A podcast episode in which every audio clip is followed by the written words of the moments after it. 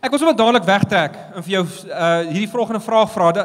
Daar's seker fundamentele vrae wat jy vir jouself moet vra. En een van die vrae is sien jy jouself op die regte manier? Dis belangrik want jy moet heeltyd deel met jouself. Jy jy jy loop saam met jouself die hele tyd. Jy moet gedurig vir jouself vra sien ek myself op die regte manier en dit is 'n vreeslike belangrike vraag want wie wat in die wêreld waar ons vandag leef is daar 'n Babelse verwarring ook onder gelowige mense, ook onder kerkmense oor hoe hulle self behoort te verstaan. Daar's frases wat rondtrek reg oor die wêreld vandag ontdek jouself, wees jouself. Ehm um, wees lief vir jouself, laat jouself geld, ehm um, staan op vir jouself. En 'n klomp ander selwe en hierdie goed het alles een ding in gemeen is dit kom glad nie in die Bybel voor nie. So hoe wil die Bybel hê moet jy na jouself kyk? Nou is belangrik om jouself te ken. Dit is wel belangrik om jouself te verstaan, maar dit is belangriker om uit te figure hoe wil die Here hê moet ons oor onsself dink want dit bepaal 'n groot mate hoe effektief jy in die wêreld is, hoe jy mense om jou hanteer, hoe jy jou vrou hanteer, hoe jy jou man hanteer. En ek wil begin deur 'n stok ou fliek uh, ek is 'n flieker. Ek by ons gemeente sê ek vir mense as jy wil heilig wees, dan moet jy baie bid, met baie Bybel lees en baie fliek. Want iemand wat nie en ek bedoel ek ek ek bedoel dit nie is regtig as 'n grap nie. Ek bly julle lag. Ek blyk was snaaks, maar dit is nie regtig die bedoeling nie. Ehm um, die vroeë kerk het het verstaan hoe hulle met die evangelie kon engage in die kultuur van hulle tyd. En ons uh, verstaan baie keer die evangelie beter deur die bril van mense buite die kerk. In elk geval Ek wil teruggaan na 'n fliek toe wat meeste van julle dink ek al gesien het, waarskynlik in 1981 het hy uitgekom, die Oscar gewen vir die beste uh, fliek van die jaar. Wie weet wat dit is? Die wat dit weet, stiek ek vir 'n ete na die wederkoms.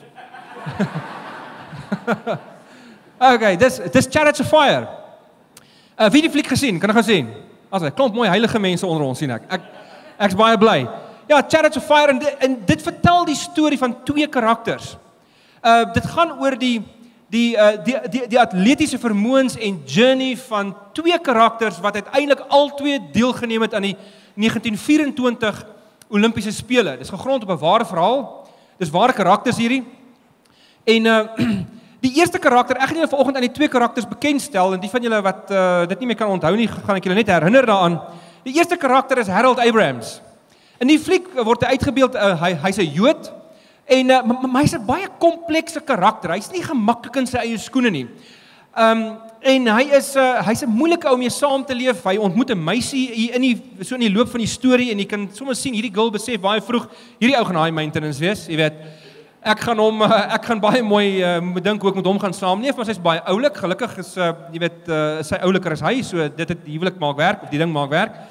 En maar in elk geval komplekse karakter in stryd met homself, klomp innerlike emosies wat konflik hier in die binnekant en en so aan. En en prestasie was vir hierdie ou absoluut alles. Hy wou die 100 meter uh vir mans wen in die in die in die Olimpiese spele en hy het alles ingesit om dit te bereik. In deur die loop van die storie kom jy agter hierdie ou in sy gemoed dra hierdie gedagte rond. As hy nie wen nie, gaan dit vir hom katastrofies wees vir sy eie siel, vir hoe hy na homself gaan kyk.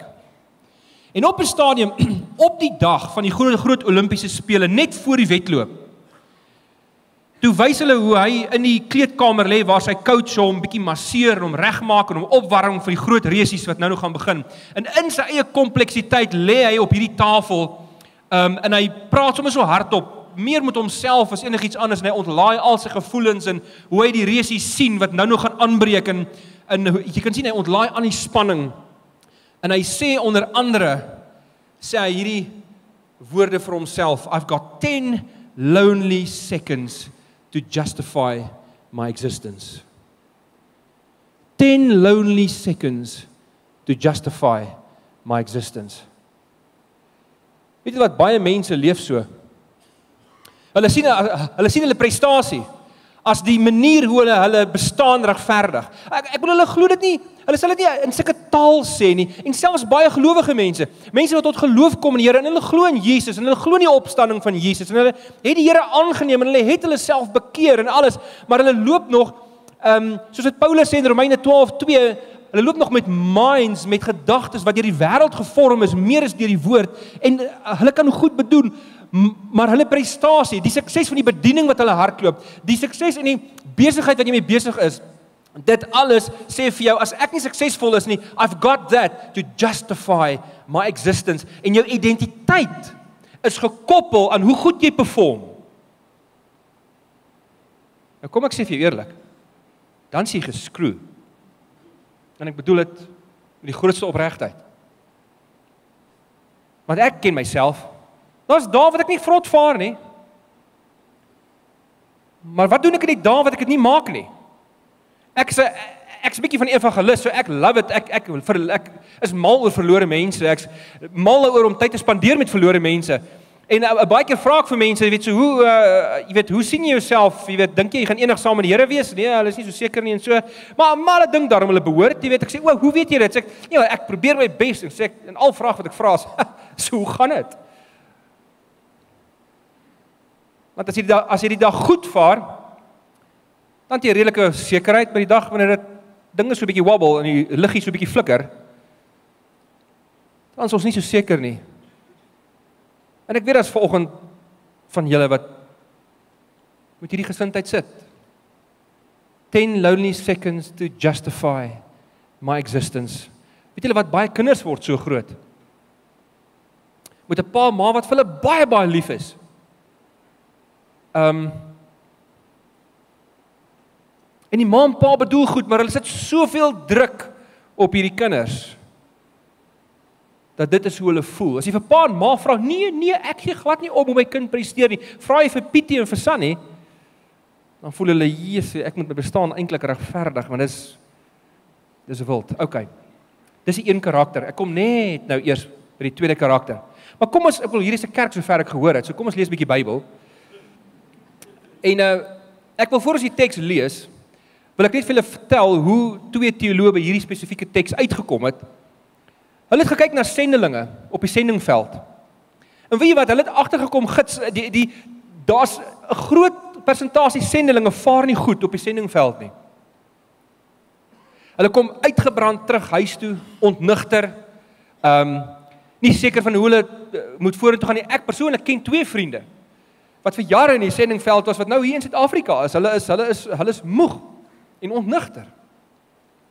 En twee teoloë, Frank Lyk en Emil Broener, het gaan kyk na uh, hoekom is dit so?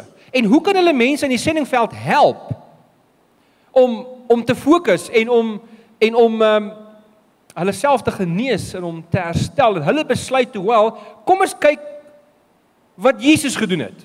Hoe het hy dit gedoen? Ek wil dink 'n bietjie daaraan.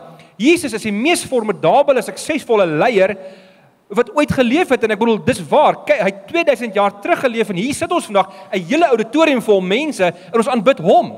En ons gee aan hom die eer en ons is besig om hom te volg, te volg 2000 jaar later. So hoe het hy dit gedoen? Hy het nie 'n PA gehad nie, hy het nie hy het nie 'n sekretaresse gehad nie, hy het 'n selfoon gehad nie, hy het hy het nie internet gehad of wifi gehad nie. Hoe het hy dit gedoen? En dis toe hulle besluit, hulle gaan eenvoudig kyk na die eerste hoofstuk in die Markus Evangelie. En daar ontdek hulle 'n klomp interessante goed, maar die mees fundamentele ding wat hulle daar ontdek het, is 'n teks wat hulle al lank al geken het, maar ewe skielik op 'n nuwe manier na gekyk het. Ek lees vir ons hierdie gedeelte saam, Markus 1 vers 9 tot 11. Daar staan: Jesus het in daardie selfde tyd van Nasaret in Galilea gekom. En hy is deur Johannes in die Jordaan gedoop. Net toe hy deur die water kom, uit die water kom, het hy die hemel sien oopskeer en die Gees soos 'n duif na hom toe sien neerdal. Daar was ook 'n stem uit die hemel: "Jy is my geliefde seun. Oor jou verheug ek my." Net hierdie woorde het by Frank Lyk en by Emil Broer vasgesteek. Jy is my geliefde seun. Oor jou verheug ek my. Nou dis belangrik om te verstaan dat op hierdie punt in Jesus se bediening, wel, hy het eintlik nog nie met sy bediening begin nie. Hierdie was hierdie was sy sy coronation, sy sy inwyding. Hy het nog op hierdie punt geen mens genees nie. Hy het nog niemand vir niemand gepreek nie. Ehm um, hy het nog niemand bemoedig nie. Hy het nog nie 'n Romein genade bewys nie. Hy het nog niks gedoen op hierdie stadium nie. So die Vader gee hom hierdie woorde onvoorwaardelik. Hy sê nie jy sal as jy oulik is, jy weet, my geliefde wees en ek sal bly wees oor jou nie. Hy sê jy is my geliefde. Dit is 'n stelsin, 'n indikatief. Jy is my geliefde, oor jou verheug ek my. Dis as my Vader vir hom sê, weet wat? Ongeag wat jy doen, ongeag wat jy gebeur. Ek het jou lief. En as ek aan jou dink, dan smile ek. As ek aan jou dink, maak jy my bly.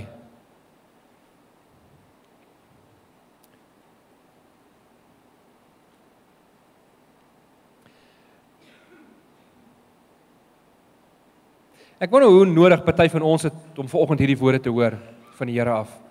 Jy's my geliefde. Ja, maar Here, ek doen so baie sonde, ek ek weet. Jy's my geliefde. Ja, maar Here, heng, ek het nog nie ek het nog nie hierdie projek afgehandel nie. Ek ek ek's nog besig. Ek hoop ek is suksesvol. Ek weet. Jy's my geliefde. En ons weet dat in Jesus word die hierdie woorde wat die Vader op Jesus uitgestort het, word myne en jou. In Romeine 8 sê Paulus, sy gees getuig saam met ons gees dat ons kinders van God is. En omdat ons kinders is, is ons ook erfgename. So ons erf alles saam met Jesus. Hy is ons oudste broer en in Jesus is hierdie woorde van die Vader wat hy oor sy seun uitspreek is ook my en jou woorde. Jy's my geliefde. Wie hoe voel ek oor jou ek aan jou dink? En smile ek. Ek oor jou dink, dan's ek bly. Jy maak my bly. Omdat jy iets doen? Nee, net omdat jy asemhaal. Net omdat jy gebore is. Net omdat jy hier is. Maak jy my bly. Nou Lyk like en Broeler het 'n bietjie van so 'n skematiese samestellingkie gemaak van wat eintlik as hulle die res van Jesus se bediening na kyk, gegrond op hierdie teks in Markus 1:9 tot 11. Het hulle 'n bietjie gaan kyk na wat presies tegnies is is, is hier besig om te gebeur en hulle het 'n ding saamgestel gegrond op Jesus se bediening wat hulle noem the cycle of grace. The cycle of grace. Nou die the cycle of grace lyk so. Dit beteken dat as jy kyk na daai skyfie heel links is acceptance Die heel eerste ding wat Jesus by die Vader beleef het is voordat hy sy bediening begin het, voordat daar enigiets gebeur het, voordat hy voordat hy enige iemand genees het, voordat hy aan die kruis gehang het, voordat hy uit die dood opgewek is, hy is aanvaar deur die Vader. Dit is die fondasie vir sy prestasie. Dit is die fondasie vir sy harde werk. Jy moenie verkeerd verstaan nie. Die Here wil hê ons moet hard werk. Hy het ons geskep om hard te werk. Hy het ons geskep om te perform. Trouwens, daar's twee dinge leer sielkunde vir ons wat ons vervulling gee verhoudings en achievement. Ons is geskep om te achieve, ekskuus vir die Engels. Ons is geskep om baie te bereik, om te presteer.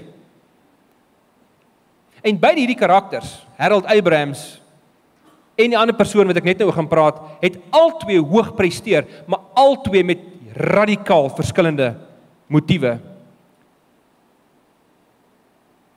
So heel eers het Jesus acceptance beleef. Maar dan omdat hy gevoel het hy's hy is onvoorwaardelik aanvaar deur die Vader, het daar 'n tweede ding ingeskop in the cycle of grace en dit is sustenance. Um sustenance beteken omdat Jesus geweet het hy's onvoorwaardelik aanvaar deur die Vader. Dalk kan jy net vir ons weer daai skyfie opgooi dat die dat, dat die mense nog net sien. O, daar's hy nou agter my. So hy hy so so so sustenance beteken dat omdat Jesus geweet het hy's hy's hy word onvoorwaardelik aanvaar, kon hy engage in aktiwiteite wat hom nie gedurig besig hou nie, maar wat ook sy battery herlaai. Hy het soveel kere homself onttrek van die skare en gaan eenkant sit. Maak maak nie saak nie. Lukas 5 en 6 sê vir ons die werk was nog nie klaar nie. Die skare het nog tou gestaan met hulle behoeftes, met met hulle eise, met hulle advies wat hulle graag wil hê, met hulle genesings wat hulle wil hê, met met hulle met wat ook al om net in die oë gekyk te word deur Jesus. Die tou mense het nog nog gestaan, maar Jesus het hulle gelos, want hy was nie 'n crowd pleaser nie. Hoekom? Want hy was reeds hy het reeds die Here geplease. Hy's reeds aanvaar deur die Here en daarom kon hy die crowds los en sê nou gaan ek 'n bietjie eenkant toe Markus 6 vers 30 tot 32 dan staan daar dat so baie mense gekom dat Jesus en sy disippels nie eers tyd gehad het om te eet nie. toe sê Jesus vir hulle kom eenkant na 'n stil plek toe. Kom ons gaan rus. Dis dis deel van my en jou disippelskap om agter Here aan te stap na 'n rusplek toe. Sustenance, sustain jouself, maintain jouself. Omdat jy onvoorwaardelik aanvaar word, kan jy hierdie dinge doen. Ek wil dink daaraan net nadat Jesus gedoop is, waarheen gaan jy? In die woestyn en vir 40 dae. Heng, ek sou dit nie gedoen het nie. As ek weet ek het net 2 en 'n half jaar, 3 jaar om dinge te doen en dan moet ek sterf en daai tyd moet ek die wêreld verander. Daar's nie tyd vir 40 dae woestyn toe nie. Ek moet begin, ek moet begin werk. Maar Jesus kon homself sustain. Hy kon sy innerlike wêreld kon hy na omsien. Trouwens as 'n frase, nou dat ek daaraan dink, daar's 'n frase in Chariots of Fire heel aan die einde wanneer daai laaste wedloop gehardloop word en vra daai atleet so vir homself in sy gedagte wêreld where does the power come from to see the race to its end it comes from within en daarbey het hy nie bedoel jy weet dat dit kom van hom af nie hy hy het net bedoel dat die Here doen sy belangrikste werk in my binneste. Dis waar ek moet reg wees. Dis hier waar my kop moet werk my emosies moet werk en waar dinge aan mekaar moet kom en waar ek die regte uitkyk op die lewe moet hê, dis van hier binne af wat die Here deur die krag en die liefde van sy gees myself dryf tot prestasie. En omdat Jesus geweet het sy krag kom van binne af, het hy homself sustain. Gegrond op die feit dat die Vader hom reeds aanvaar het. Maar as 'n derde ding, significance As jy na daai skema kyk heel regs, significance. Dit het vir Jesus 'n gevoel gegee van sy lewe tel. Dit maak sin. Hy's okay, hy's geliefd. En dit het gelei heel onder tot prestasie. Tot achievement.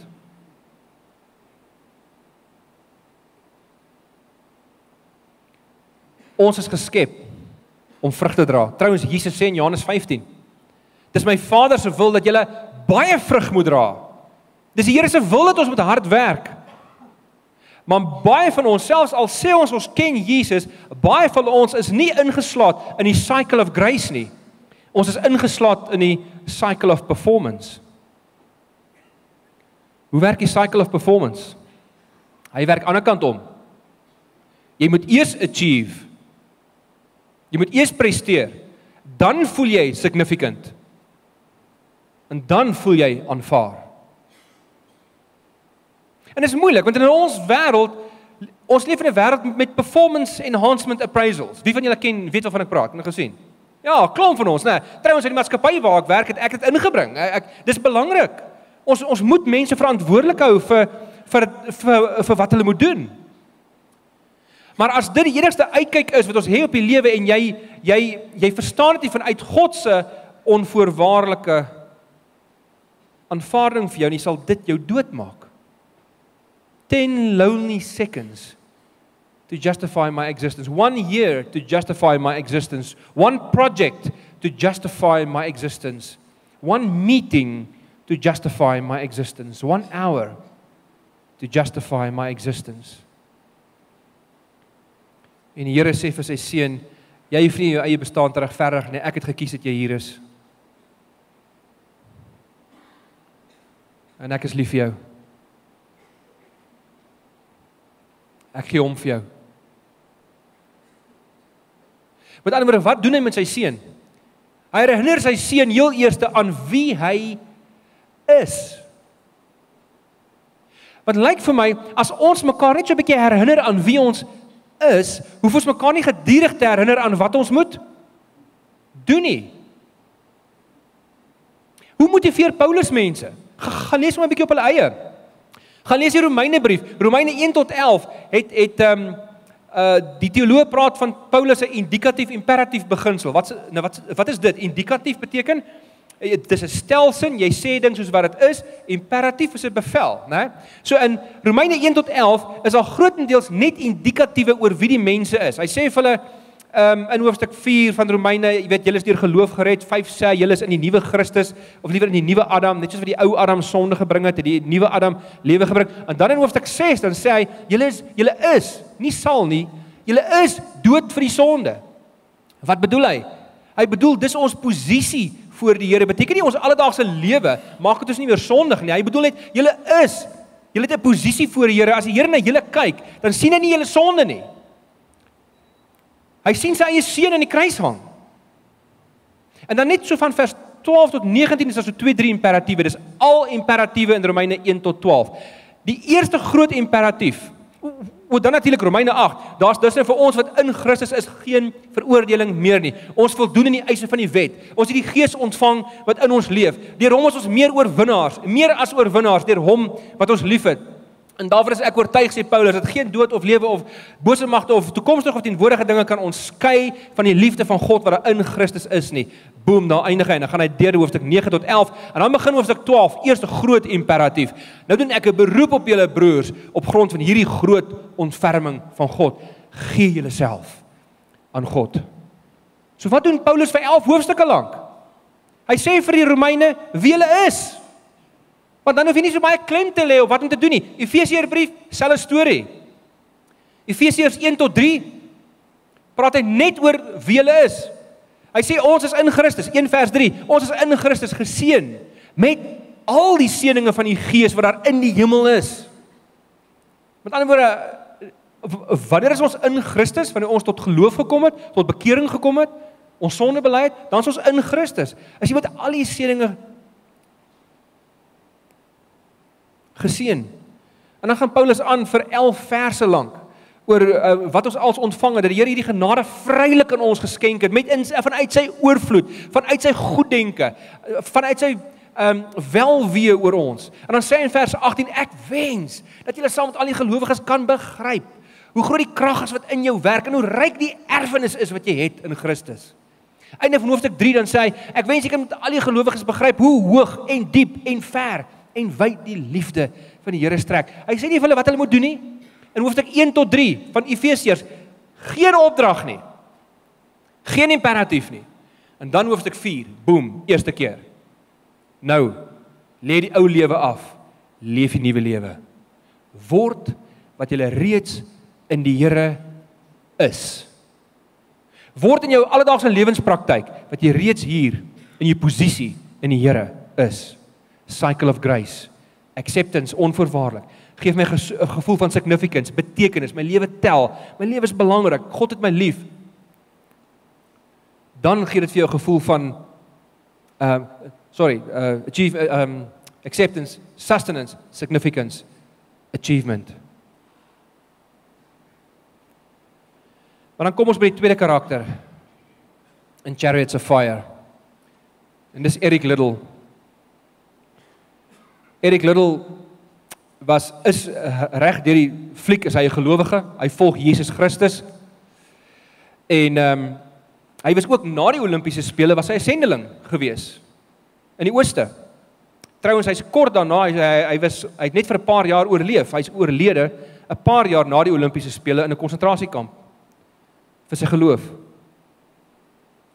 En reg deur die fliek kan jy sien hy is net so vinnig soos Harold Abrahams, dalk trouens 'n bietjie vinniger. Trouens deel van Harold Abrahams se depressie was dat op 'n stadion vir Little sien hardloop het en hy het vir sy hy het vir sy meisie gesê I'm not going to win. He's faster than me. En gelukkig werk dit so uit dat Eric Little hardloop toe ander resies as Harold Abrahams. Maar reg deur die fliek is dit duidelik dat Abrahams se geloof by die Here is en hy hardloop met baie ander motiewe. Hy het 'n deurlopende blydskap. Daar's 'n rustigheid by hom. Wen is nie vir hom alles nie. Maar hy is goed en hy wil graag die beste wees. En op 'n stadium praat hy met sy sussie, Becky. En hy sê vir haar die volgende. Hy sê Becky, I believe that God made me for a purpose. He also made me fast. And when I run, I feel his pleasure.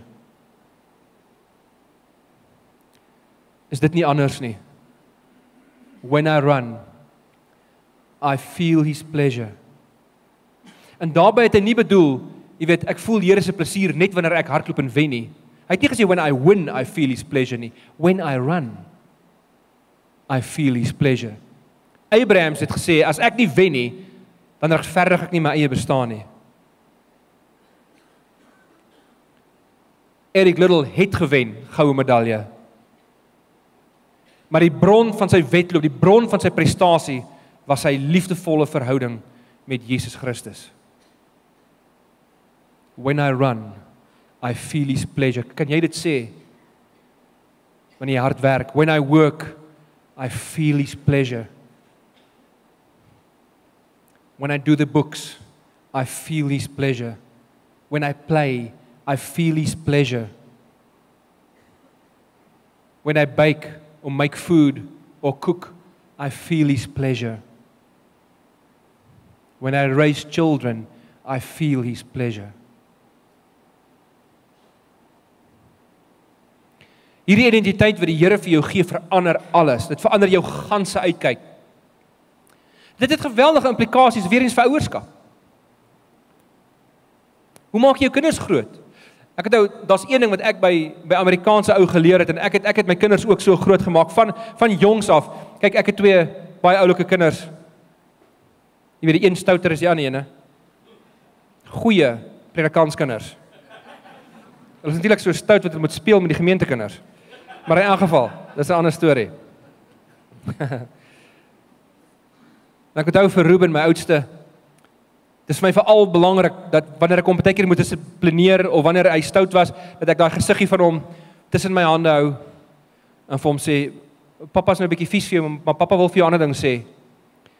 As al die seentjies in die hele wêreld in 'n lang ry staan, al die seentjies in 'n lang ry staan, so lank dat dit om die wêreld gaan 'n paar keer. En ek kry die geleentheid om weer 'n seentjie vir myself te kies. Dan sal ek verby al die seentjies stap tot ek weer by jou kom en ek sal jou weer kies as my seentjie. Jessica's pappa geleentheid kry om weer 'n dogtertjie te kies. Sal ek verby al die dogtertjies stap tot ek weer by jou kom. En ek sal jou kies. en uh, so 'n paar jaar gelede 2014 toe my seun omtrent so 19 was. Toe gaan ons as 'n gesin uh, op vakansie Kaap toe en uh, ek kyk ek en my seun is altyd die twee in die in die gesin wat ek en hy's aandwolwe. Marie en Jessica is um, hulle is oggendmense. Jy weet so ons haat hulle in die oggend. Ehm um, jy weet ek glo nie eers heeltemal ordentlik in die oggend nie. Jy weet as jy my voor 10 kry mag jy dalk enigiets teekom. Maar na 10 raak ek al hoe meer gelowig. Maar ek en my ek en my seun as ons op vakansie is dan as die twee slaap, Marie en Jessica dan dan dan dan voeter ek en hy uit buitekant toe. Dan gaan drink ons, jy weet, uh hot chocolate by McDonald's wat 24/7 oop is of ons gaan stap langs die pad of uh, jy weet langs die strand of ons gaan fliek natuurlik, die uh, natuurlik. Ehm um, jy weet 10:00 die aand die die, die laat show en daai aand gaan fliek ons toe by Canal Walk. En die aand ry ons terug, elkeen so met ons eie gedagtes. En jy weet ek het maar moet julle verstaan, ek het reg deur die tyd hierdie frases vir my kinders gesê. As ek 'n seentjie kon oortjies, dan sal ek jou weekies. Tot hulle in 'n tienerjare, wat hulle kastig nie daarvan hou as jy dit sê nie. Dit selfs dit my laatie was 16. Seun, jy weet, as al die kinders aan die seentjies se lang ry, ja pa, ek weet. Is dit? Moet ek dit ophou sê? Nee, hoef nie. En ons ry in hierdie kar op pad terug die aand. En uit die bloute uit breek uit die stilte. En sê pa, wie wat? Ek sê nee. Hy sê ons al die paas in die hele wêreld in 'n lang ry staan. Dan sal ek jou weer kies as my pa. Dit is my moment. Dit is my 'n groot oomblik geweest want uiteindelik word sulke liefde hopelik beantwoord. Daar's nie garanties nie. Kinders maak hulle eie keuses, ek weet. Jy kan nie altyd beskuldig nie. En soms loop ouers met te veel skuldgevoelens. Net soos kinders ook maar. Maar voor ons afsluit vanmôre Net sommer 'n paar dingetjies, 'n paar praktiese punte. Eerste enetjie, spandeer dinktyd aan die woorde. Jy's my geliefde. Oor jou oor jou verheug ek my. Wie wat as jy kyk na jou sustenance omdat God jou liefhet, partykeer moet jy net sit by die huis. Net sommer sit. Wat doen jy? Nee, ek sit. Maar wat doen jy terwyl jy sit? Uh berei jy voor? Nee, ek sit. Wat dink jy? Nou liewe Here vir my is. Wie gaan werk nie? Daar's skool goed om te was. Nee. Ek sit nou. Sien mense wie se identiteit in die Here is. Jy sien jy jou skoonmaak kom kuier.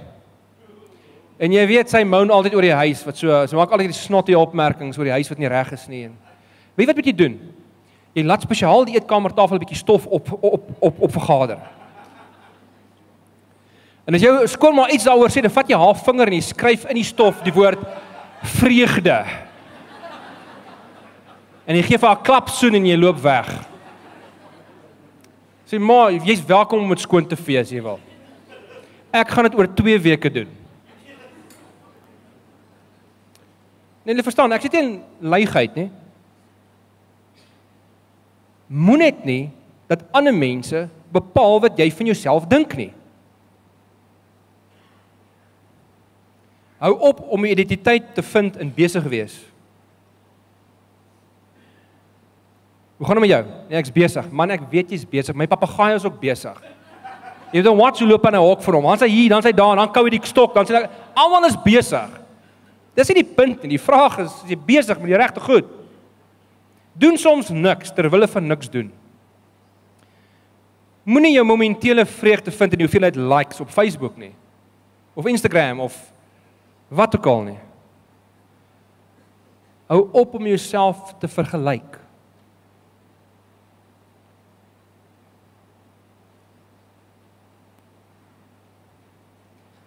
Want jy's die Here se geliefde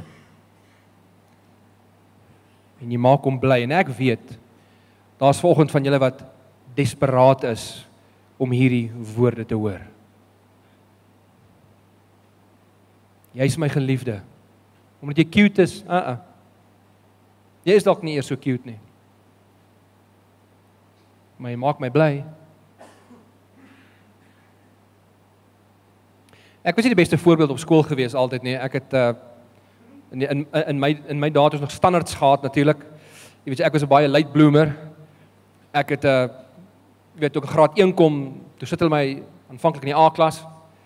Nie lank gehou nie toe ek in 'n ander klas.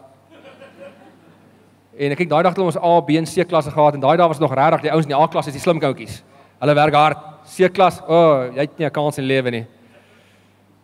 En ehm um, jy weet later het hulle dit bietjie probeer versag. Jy weet die A-klas was die hasie klas, jy weet. Die, En dat die olifant klas gehad. En die olifant klas is moet jy net weet. Dit was ek. En toe ek in standaard 7 kom, graad 9, toe sê my ouers my, "Rudolfie, jy moet swat boetie of jy gaan pluk op 'n stadium." Nou ja, ja. Toe vind ek uit my ouers het 'n profetiese gawe gehad. En ek dryp toe graad 9. Standaard 7. En ek onthou toe ek ek onthou baie goed ons het daai dae nog het hulle nie het ons nog snailmail gehad. Jy weet nog nie e-mail gehad wat hulle jou waar jy 'n rapport kon stuur. Dis ons gaan op vakansie by, by Magubas Kloof en ek onthou ek by die heeltyd my naels, is ek deur, is ek nie? Is ek deur, is ek nie? En en uh ek kom by die huis en ek uh, weet die kar het nog nie eens gestop nie. Ek's uit by die deur en ek's in by die voordeur en ek hol net die TV toe waar die pos lê en ek maak dit oop en ek hou nog die woorde, ek onthou nog die handskrif waarna dit gestaan het duidelik dryp en moet staan dit 7 herhaal. En kyk, jy moet iets verstaan van my pa. Hy het ons gevoeter left, right en center. Jy weet as ons nie as ons nie weet as ons droog gemaak het op skool. In elk geval, ek staan by die TV so half en wonder, wat doen ek nou met hierdie ou papiertjie? Um en my pa kom in. En hy sê, "Sien, hoe lyk dit?" Ek sê, "Ja, wat was dit? Wat? Wat as jy weer?" Ek sê ek ek ek ek, ek, ek dryp. En ek sal sy reaksie nooit vergeet nie.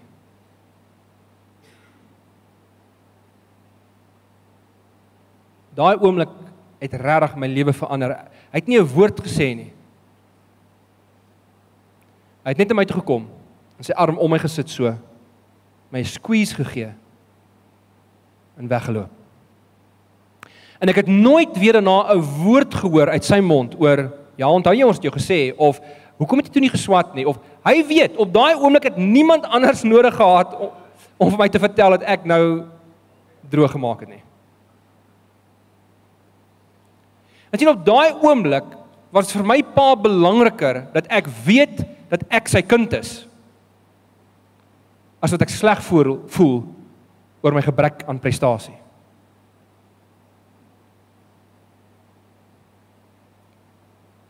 Miskien het jy net vanoggend nodig dat iemand jou 'n squeeze gee. Dat jy net hug. Sê jy's die Here se geliefde. Besef jy dit? Jy maak hom bly. Jy maak ons bly.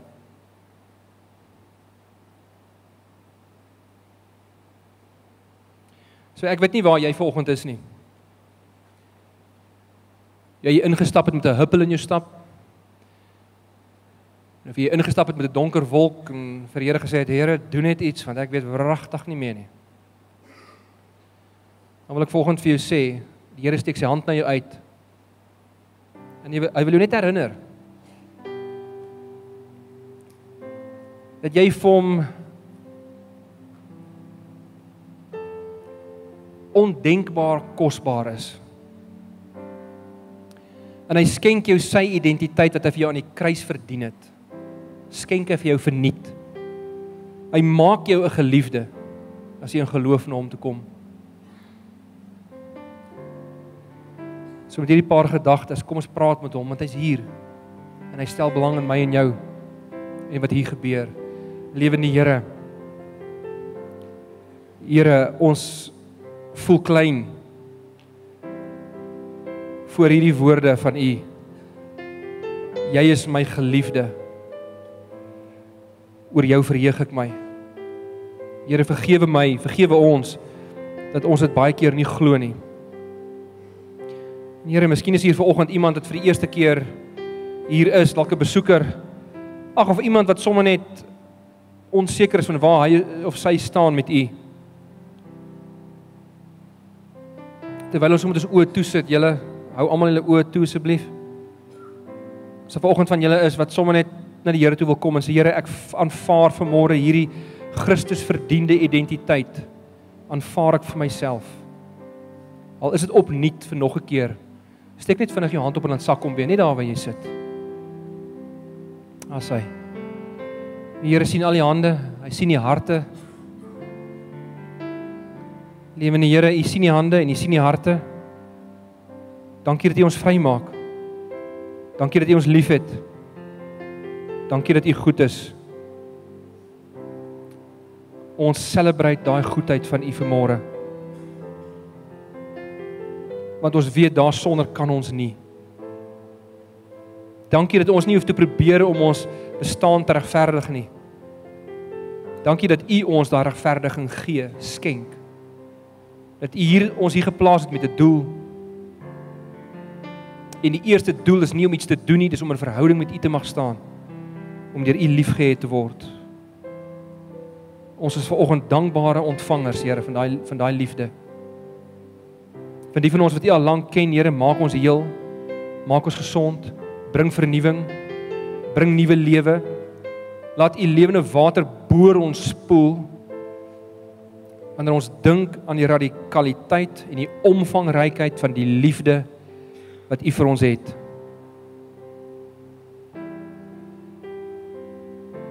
Ons sê vanoggend dankie in die naam van Jesus en almal antwoord saam met my. Amen.